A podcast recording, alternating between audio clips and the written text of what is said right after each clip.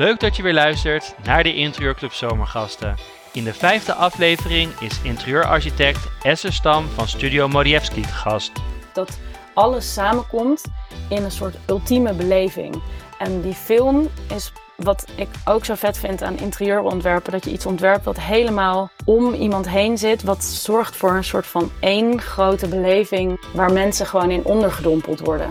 Vanaf september gaat seizoen 3 weer beginnen van de Interieurclub podcast. Abonneer jezelf op je favoriete podcastkanaal zodat je geen podcast meer mist. We gaan beginnen met onze zomergast. Heel veel plezier met Esther Stam. Mijn gast is uh, Esther Stam van Studio Modievski. Welkom Esther. Een aantal weken geleden hebben wij een uh, oproep gedaan aan onze luisteraars. Uh, wie zij als zomergast zouden willen. En toen werd jouw naam heel vaak ingestuurd. Dus vandaar dat we je uitgenodigd hebben. Um, zou je iets over jezelf kunnen vertellen? Superleuk om te horen sowieso. Ik ben dus Esther. Uh, ik heb Studio Modievski opgericht uh, al super lang geleden. Inmiddels een uh, bureau met tien mensen in dienst. Um, we ontwerpen veel interieurs, veel in Amsterdam, publieke ruimtes, veel hospitality plekken, maar ook woonhuizen, winkels of retail, eigenlijk in een bredere zin van het woord. Waar kunnen we je van kennen? Wat voor projecten? Um, ik denk een aantal uh, horecazaken in Amsterdam die wel bekend zijn. Zoals, uh, uh, en een soort household names, misschien wel Bar Botaniek en Bukowski zijn denk ik wel de eerste plekken die iets, echt iets anders hebben gedaan voor ons. Uh, en inmiddels is dat natuurlijk on, onwijs uitgebreid. Zijn er veel meer bijgekomen. De laatste die we hebben geopend zijn Gitaan, Café Marcella en Café Ami bijvoorbeeld. Maar ook hebben we voor de nieuwe Booking Campus een aantal nieuwe ruimtes ontworpen. Um, restaurant en nog ja, meer een soort pauzeachtige meeting rooms, ruimtes. En bijvoorbeeld ook uh, de publieke ruimtes van Museum Arnhem. Heel veel horeca. Uh, je zei ook dat je privéhuizen doet of inderdaad gewoon, gewoon uh, particuliere huizen. Wat is het verschil ja, qua ik aanpak? Denk, Wel, het is sowieso heel anders natuurlijk of je voor iemand een, een plek ontwerpt waar iemand in principe 24/7 is. Of een plek ontwerpt waar mensen uh, voor een kort verblijf zijn, korter of een hele avond, maar in ieder geval niet uh, een soort de basis is van hun leven. Dus dat is denk ik een super groot verschil al. En daarnaast um, uh, is een huis ook een plek, zeg maar, die niet een soort commerciële doel heeft, zeg maar. Dus um, ja, het is niet het doel dat je daar eten verkoopt of iets, maar dat je daar op zo'n meest fijne manier in woont. Wat betekent dat dan qua ontwerp? Kun je daar iets over vertellen? Nou, ik denk sowieso is er minder. Um, er zijn andere uitgangspunten natuurlijk. Er is niet een, een food concept of een idee um, uh, over uh, wat er op tafel staat of wat voor kleren of uh, whatever er verkocht wordt. En misschien ook wel een plek die echt voor elk moment moet dienen en dus ook een soort van rustiger is en meer als een foundation fungeert, zeg maar. En dus niet een soort van dezelfde impuls of beleving moet genereren, maar juist een soort van de ultieme basis is. Um, dus ik denk wel dat onze woonhuizen die we hebben ontworpen allemaal wel een soort van rustiger zijn in uh, kleur en materialenpalet, zeg maar. Op een bepaalde manier iets minder uitgesproken. Maar we zijn wel altijd bezig met uh, wat is de context, wat is de architectonische uh, schil die er omheen zit, zeg maar. waar komt het licht vandaan? Er zijn ook een heleboel dingen die je, wat, hoe werkt routing, zeg maar. Dus er zijn zeker ook een heleboel dingen die wel hetzelfde werken en een soort van proces aanvliegen. Alleen denk, ja, ik vind het toch echt iets anders of iets, een soort van de foundation is van, van iemands bestaan of een soort het startpunt of, uh, of een plek waar je af en toe heen gaat juist om gevoed te worden op een andere manier. Voordat we gaan beginnen uh, met hetgeen waar, waar jij inspiratie vandaan haalt, ben ik ook nog benieuwd, waar komt de naam Modievski vandaan? Ja, dat is mijn oma's achternaam. En ik ben eigenlijk gewoon altijd uh, heel jaloers geweest. en ik had heel erg graag zelf die naam willen hebben. Uh, dat is natuurlijk een soort emotionele uh, waarde. Maar ik heb eigenlijk altijd bedacht, hoe kan ik nou toch die naam een soort van ownen. Wat slim. ja, precies. Ik heb wel nog de toestemming gekregen ook voor, de, voor, de, voor het gebruiken van haar achternaam. Ja, het is ook een opvallende naam. Dus dat is wel inderdaad heel leuk dat je, dat je studio op die manier hebt uh, vernoemd eigenlijk. Ja. Leuk. Nou, we gaan beginnen met waar jij inspiratie vandaan haalt. Ja, kun je iets vertellen? Wat is jouw nummer één? Je zei verhalen. kun je daar iets over vertellen? Ja, ik wist niet of jullie echt zaten te wachten op een naam of, of, dat, of meer op een soort zoiets als dit. Maar voor mij is dit wel een soort enorme drijfveer. Verhalen geven context aan een ruimte, geven je een soort van kennis um, over een bepaalde plek en ook een perspectief. en je benadert een, ruim, een, ruimte of een plek uh, of een locatie anders als je weet, zeg maar, wat de betekenis uh, is um, van een bepaalde plek, zeg maar. Dus het geeft een soort gelaagdheid en diepgang en het draagt, ja, er, verhalen zijn een beleving. Ik heb ook het idee dat wij opnieuw zelf weer een soort van verhaal vertellen. Of de verhaal van een plek op de een of andere manier proberen te integreren in het ontwerp. En ook weer een plek creëren uh, waar weer nieuwe verhalen kunnen ontstaan. Dus voor mij is dat wel een soort enorme drijfveer. En kun, kun je een voorbeeld noemen, bijvoorbeeld uh, um, bij een van de restaurants die jij ontworpen hebt? Uh, dan ga je in gesprek met, met de eigenaar, neem ik aan, maar dan ga je ook onderzoek doen naar het gebouw. Of hoe, hoe werkt dat dan? Ja, nou, ik heb altijd een soort super of altijd. Ik heb een, uh, een heel concreet voorbeeld. Bijvoorbeeld uh, Canary Club. Dat zit in de, de Halle. En de Halle is uh, een plek, zeg maar, die... de reden waarom dat nog bestaat... is omdat er op een gegeven moment een soort krakersbeweging was in Nederland... die gewoon heel veel toen nog niet monumentale panden hebben gekraakt. zodat ze niet werden gesloopt. En um, uh, dat is echt door die kraakbeweging dat er gewoon een heleboel panden nog in Amsterdam staan. Um, en die krakers die hadden daar op een gegeven moment kwamen we, was een soort verhaal dat er ergens in die hallen een soort zwembad was gemaakt van uh, dat ze vulden met regenwater. En dat vonden wij gewoon een super catchy story. En toen hebben we bedacht van oké, er is nog een soort bovenruimte daar bij Canary Club. En dat was een soort tweede bar, maar wat weet je, wat wil je daar nou bij? En toen hebben we daar een soort poolbar van gemaakt met een soort element, ruimtelijk uh, object, zeg maar, wat een soort hele uh, abstracte zwembad uh, was, waar je in kan zitten, maar waar je ook een soort mini feestje in kan houden, maar ook waar mensen apparently hun baby inzetten en dat zij dan chill een kopje koffie kunnen drinken. En zo wordt zeg maar een verhaal iets wat voor ons een soort van spin-off geeft, zeg maar, aan uh, de vormgeving van een bepaalde plek. En dat is best wel concreet, maar dat is wel een heel grappig verhaal, zeg maar. En anders hadden we nooit dat daar neergezet. Voor de luisteraars is inderdaad, uh, dat is de oude tramremise in Amsterdam, de Halle. En dat is inderdaad de Kanaaiclub naast de voethallen uh, zit het. Inderdaad een heel leuk, leuk restaurant geworden. En inderdaad een goed, goed verhaal inderdaad. En dus, het is dus niet zozeer dat je naar de, de eigenaren, naar de verhalen vraagt, maar dat je inderdaad meer gaat rondkijken wat er nou gebeurd is ooit in, dit, in dat gebouw. Ja, omdat de eigenaren helemaal niet altijd, zeg maar, zo'n gebouw is vaak veel ouder dan de eigenaren. Um, dus, en, en soms weten ze niet alles. En soms zijn de eigenaren, we zijn nu met een project bezig en daar zijn de eigenaren, hebben ook uh, iemand gevonden die daar vroeger heeft gewerkt, die bomvol met verhalen zit, zeg maar. En die verhalen geven gewoon zoveel meer interessante details, zeg maar, die, uh, die gewoon zo'n plek zoveel meer lading geven en die het ook zoveel meer specifiek maken, zeg maar. En um, ja, het, is niet, het voelt niet aan mij. We maken natuurlijk nooit een museum, dus die verhalen zijn niet dingen die per se zo verteld hoeven te worden, maar wel die toch een soort van op de een of andere manier kunnen bijdragen aan een specifieke design language voor een specifieke plek. Nou, laten we doorgaan naar de, naar de volgende inspiratiebron voor jou. Dat is vakmanschap. Uh, wat kun je daarover vertellen? Ik vind het gewoon altijd sowieso echt super te gek als mensen echt een vak hebben en echt um, een enorme kennis hebben van uh, technieken en materialen. Wij zijn altijd bezig als, als uh, bureau, zeg maar, om een soort de potentie uit, een, uit iets te halen. Uh, en net zo goed uit een materiaal. Dus ja, je hebt marmer en uh, ja, dat wordt meestal een soort van glanzend afgewerkt uh, in een plaat aangeleverd. Maar wat kan je er nog meer mee?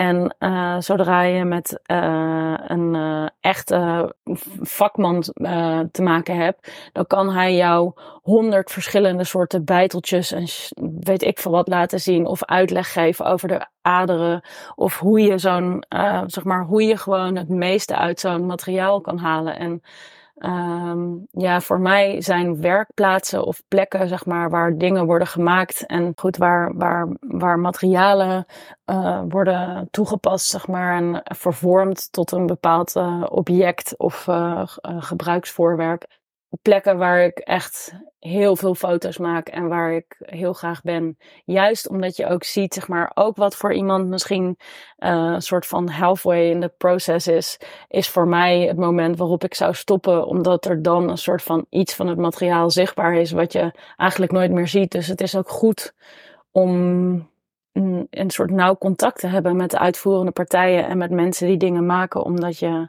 je kan er veel van leren. Uh, het is ook super inspiring. En, um, en uh, de kennis van wat er allemaal kan, dat verzin je gewoon zelf niet. En ik vind het echt super vet. Ook hoe dingen gemaakt worden of uh, innovatieve oplossingen.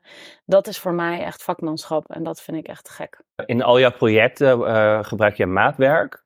Ja, echt mega veel. Um, dus daarin ook is het, en heel vaak ontwerpen we dingen waar we wat een soort van uh, opnieuw het wiel uitvinden is ergens. En dan is het gewoon heel fijn als er een, uh, een vakman met je meedenkt, die met jou een soort van het leuk vindt om te denken van oké, dit hebben we nog nooit eerder gedaan, maar hoe kunnen we dit gaan maken en hoe gaat het zoveel mogelijk lijken op wat jullie hebben, uh, voor ogen hebben? Of als dat niet kan, uh, hoe kunnen we samen iets verzinnen, zeg maar, waardoor het nog beter wordt dan uh, wat jullie zelf voor ogen hadden. Dus um, ja, het is niet eens dat altijd per se uh, het precies zo gemaakt moet worden of zo. En ja, we maken superveel dingen op maat. Heel vaak uh, op custom verlichting. En natuurlijk gewoon een heleboel uh, interieur uh, dingen van meubilair. Bij Café Marcella hebben we een soort, hadden we het idee van we willen een soort gemarmerd plafond. Ja, dan vind ik het super tof om met iemand te werken die gewoon denkt, gemarmerd plafond, oké, let's go. En die heeft dan een soort marmertechniek die ik echt gewoon nou, waar ik zelf nog nooit, uh, wat ik nooit had gezien. En die gewoon precies een soort van maakt wat ik een soort van in een vage render had uh, gefotoshopt. Ja, en als ik het begrijp, dan ook met de verhalen wat je net vertelde en met vakmanschap, steek je heel veel tijd in gesprekken voeren um, en heel erg um, in die samenwerkingen. Ja, maar dat is natuurlijk ook helemaal ons vak. Kijk, wij verzinnen iets, maar we zijn super afhankelijk van degene. Van, we zijn A, we zijn toegepaste, uh, we doen iets toegepast. Dus ik heb altijd iemand die met een vraag komt, zeg maar. Uh, en daar gaan wij op, die vraag gaan wij beantwoorden. Dus we zijn niet autonoom. Er moet altijd een vraag worden beantwoord. Dus aan de ene kant zijn we heel erg in gesprek met de opdrachtgever over wat ze nou precies voor ogen hebben, wat ze willen, zeg maar, hoe we het beste kunnen beantwoorden aan die vraag. En tegelijkertijd, um, als je niet goed aan het communiceren bent of niet betrokken bent bij wat er uiteindelijk wordt gebouwd, dan moet je of op een andere manier ontwerpen, dat kan natuurlijk ook. Of het gaat gewoon, uh, je haalt er niet uit wat erin zit. Ik las ook ergens Willem de Koning Academie gedaan, zag ik.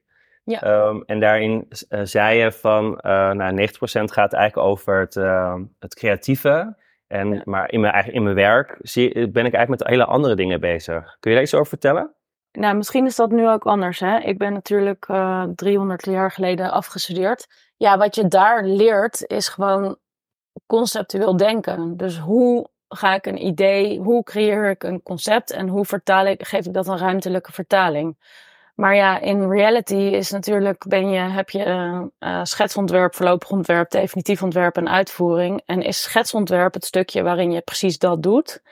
En dan uh, ben je gewoon ook heel veel um, aan het uittekenen ook, maar ook heel veel aan het managen. En gewoon, uh, ja, wat ik zei, um, aan het praten met uitvoerende partijen, een soort van planning, budget. Um, en heel veel partijen, er zijn natuurlijk altijd een heleboel partijen betrokken bij zo'n uh, project. Dus dat is toch een heleboel people management en ook procesmanagement. En ja.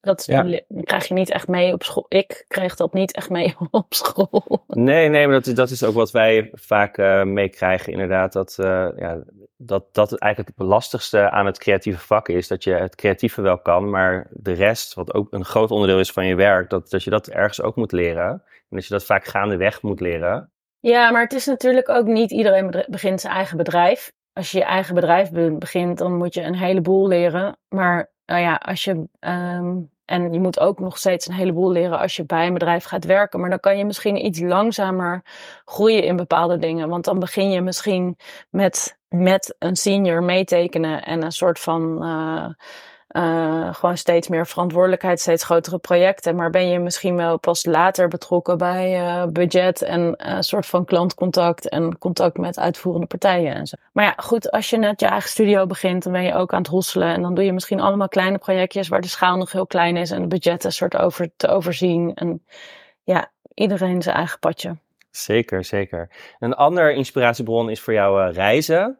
Ehm, wa- wat vind jij een tof land om heen te gaan? Of waar haal je veel inspiratie vandaan? Nu moet ik dus wel eerlijk toegeven dat ik ook heel druk ben en dat ik ook ehm, eh, kindjes hebben gekregen. Dus dat ik nu minder reis dan wat ik voorheen deed en zou willen. En dat ik ook zeker wel uiteindelijk natuurlijk vaker zou willen reizen dan wat ik eh, nu doe. Dus daar meer tijd voor moet vrijmaken. Maar er zijn, ik weet niet, eigenlijk zoveel verschillende plekken. Ik vind het super vet om in eh, Parijs en New York eh, rond te lopen. Dat zijn wel echt twee van mijn favoriete steden, zou ik zeggen.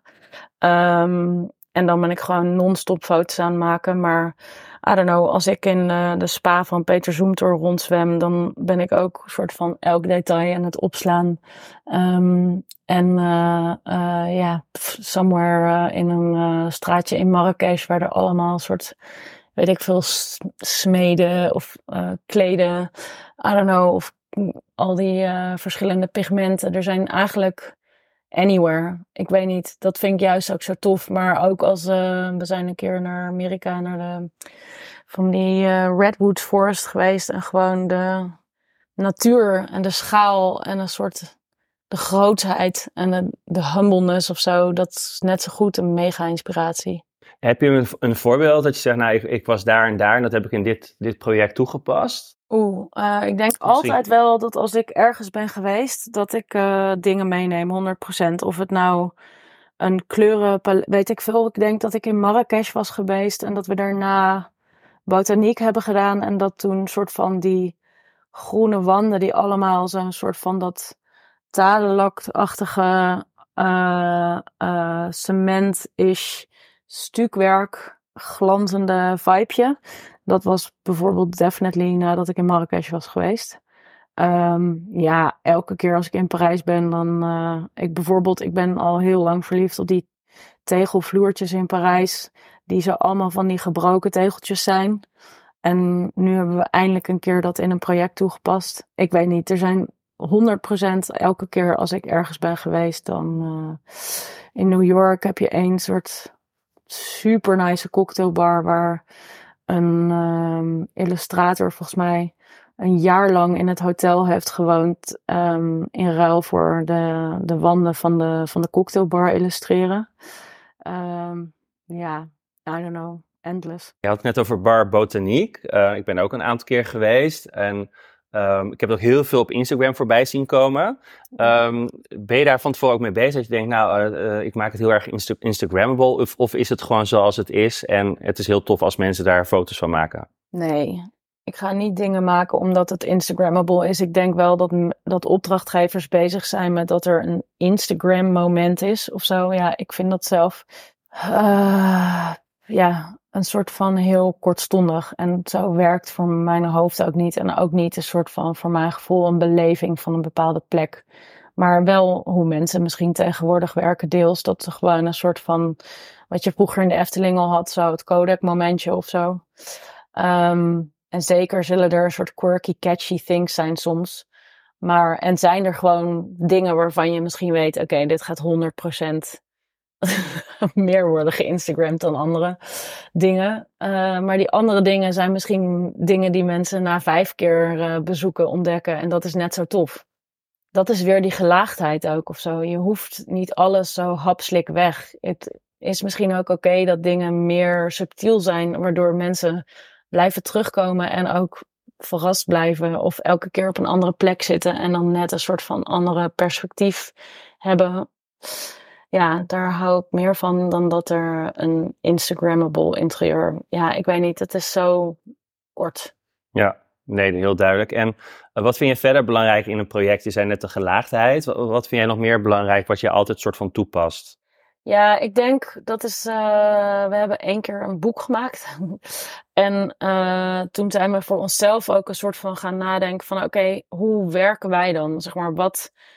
Uh, hoe zou je ons werk, een soort van als je het uit elkaar trekt, um, kunnen analyseren. En ik denk wat we toen hebben gedefinieerd is dat we een soort van dat we altijd een custom design language ontwikkelen en dat die altijd die die design language die wordt gemaakt door middel van een of ontwikkeld door middel van een aantal tools of en ook een soort van uiteindelijk vertegenwoordigd of vertaald door gebruik te maken van een aantal tools en die tools dat is uh, kleur, vorm, volume, textuur, materiaal en licht die elementen, dat, die zijn altijd vertegenwoordigd. En daar zijn we, dat zijn altijd een soort werktuigmiddelen, zeg maar, om uh, dus een, een, een, een plek, een soort van tailor mee te maken. Dus dat het echt past binnen de context van die plek, uh, reagerend op het licht, gebruikmakend van uh, de architectonische context, of het, of het natuurlijke licht, of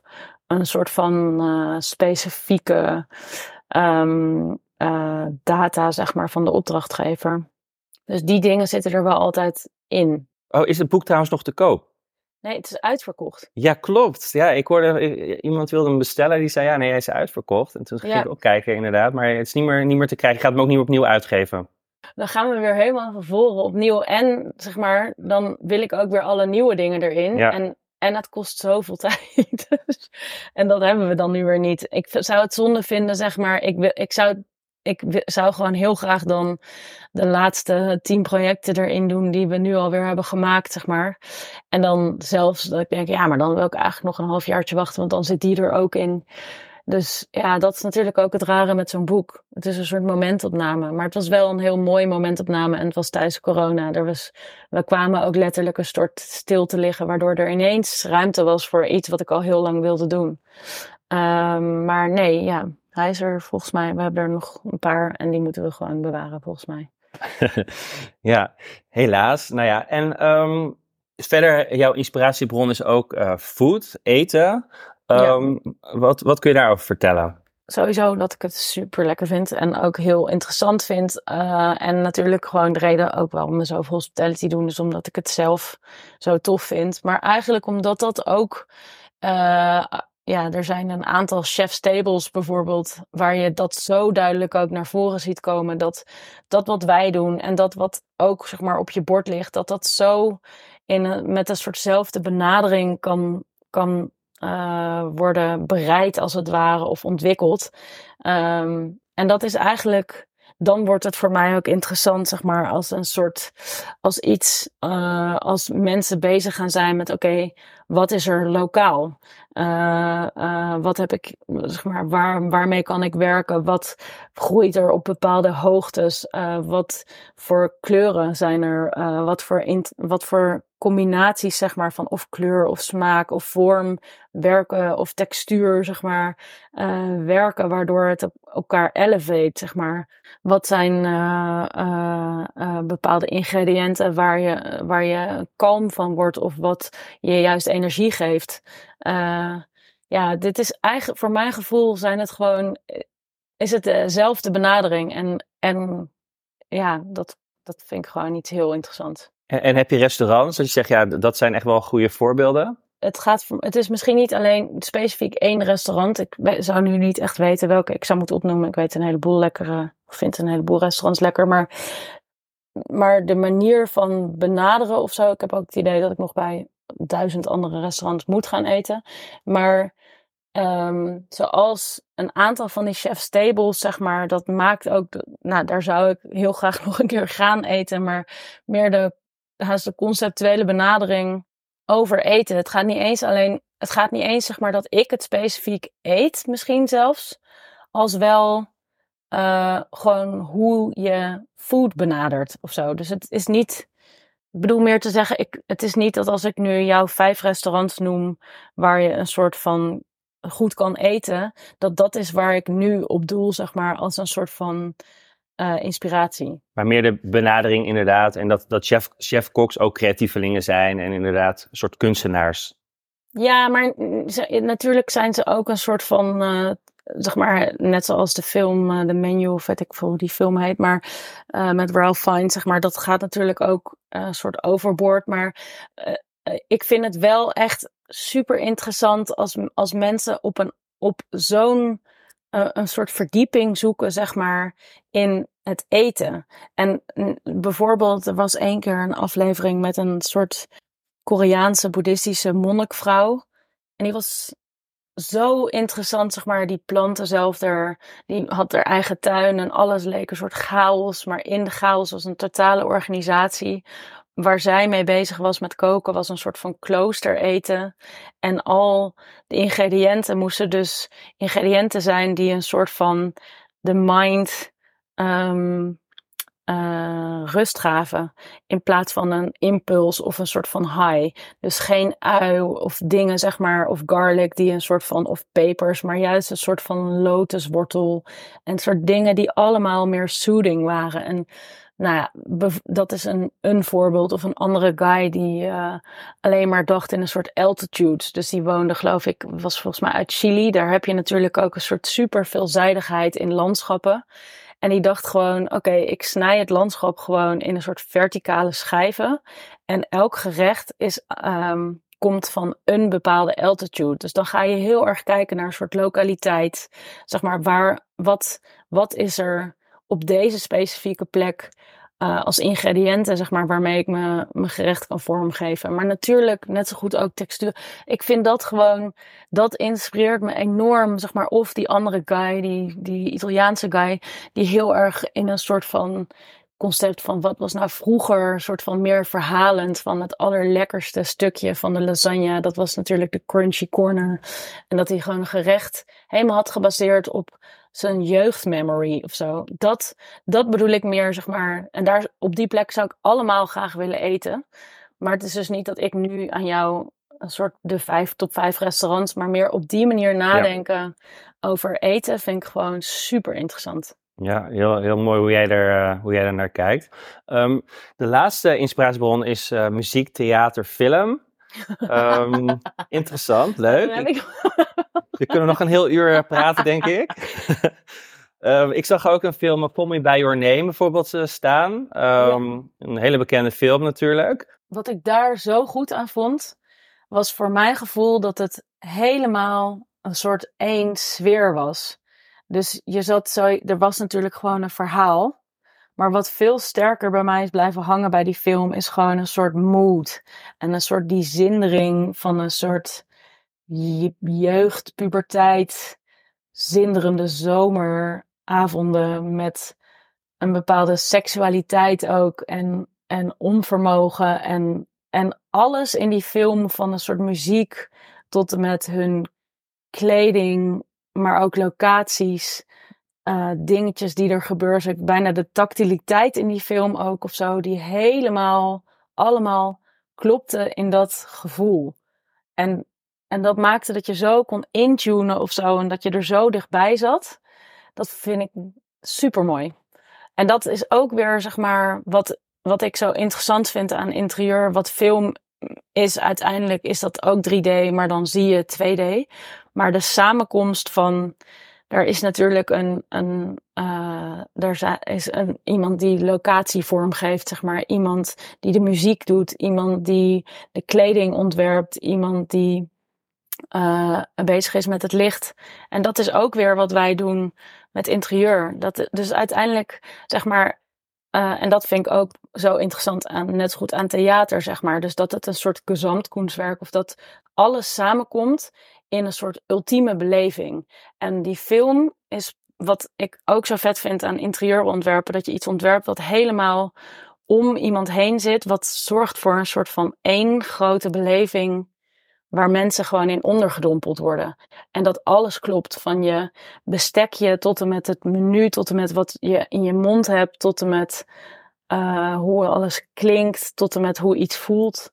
Dat, ja, dat vind ik gewoon het ultieme. Ik zag op je lijstje ook uh, Wes Anderson staan. Ja, hij is, nou, ik weet niet hoeveel mensen hem echt kennen. Um, je ziet nu ook met AI heel veel Wes Anderson-achtige beelden voorbij komen, vind ik altijd. We hadden het laatst ook in de podcast met uh, Evelien Rijg over, die dat ook, uh, ook zei. Ja. Um, kun je iets over Wes Anderson vertellen? Nou, wat ik heel tof aan hem vind, is dat, ik, dat hij, uh, again, het is een soort enorme verhalenverteller. En voor mijn gevoel zijn zijn films bijna een soort combinatie van theater en film, omdat er een bepaald soort abstractie in zit. En dat ik het ook heel tof vind dat hij zo'n duidelijke signature heeft, dat je altijd voelt dat het zijn films zijn, zonder uh, dat het irritant wordt of zo, maar gewoon je, je, ziet, je herkent meteen dat het een Wes Anderson is, doordat uh, ja, een bepaald soort kleuren, een bepaald soort mood. Ook zeker de muziek, maar ook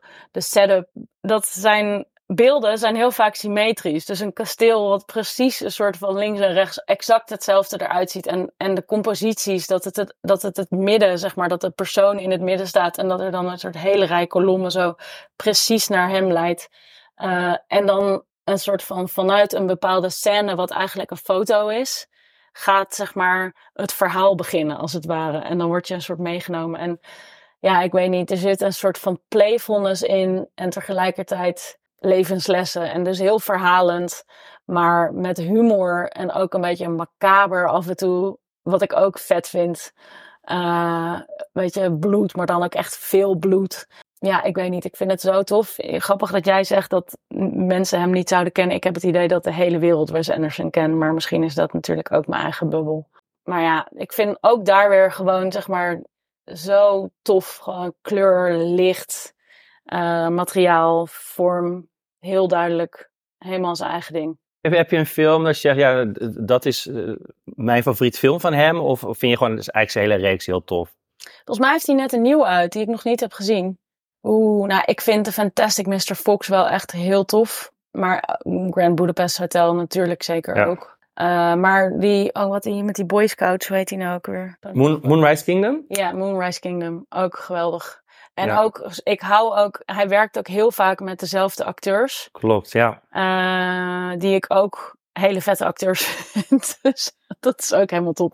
Ja, ja, hij werkt eigenlijk bijna alleen maar met dezelfde mensen. Dat is ook wel interessant. Ja, dat hij maar dat alleen vind maar... ik ook heel tof. Dat, dat dat zeg maar dus ook onderdeel is van zijn palet, als het ware. En dat je ook met elkaar dus een soort verdieping kunt aangaan. Werk, je ook veel met dezelfde mensen ja. samen? Je hebt natuurlijk ook een, een, een studio met, een aan, met, met, met mensen, maar ook inderdaad samenwerkingen. Doe jij dat ook? Ja, en ik geloof daar ook, ook echt in. Ik geloof gewoon dat als je langer met elkaar samenwerkt, dat je steeds beter met elkaar kan lezen en schrijven en gewoon begrijpt waar je heen wil en dezelfde taal spreekt, waardoor het proces veel smoother gaat en waardoor je nog meer eruit kan halen. Dus ja, dat, uh, ik geloof wel echt in langdurige werkrelaties. Een hele mooie, mooie afsluiting. Ik wil je heel erg bedanken voor je tijd en voor je mooie, mooie verhaal en je inspiratie. Ik denk dat heel veel luisteraars daar heel veel aan hebben. Dank je wel. Ja, jij bedankt voor de uitnodiging. Dat was hem weer, de Interieurclub Zomergasten. Volgende week is interieurontwerper Osiris Hertman te gast. En de laatste week van augustus is Femke Fournet van Vest te gast. Bedankt weer voor het luisteren en tot volgende week.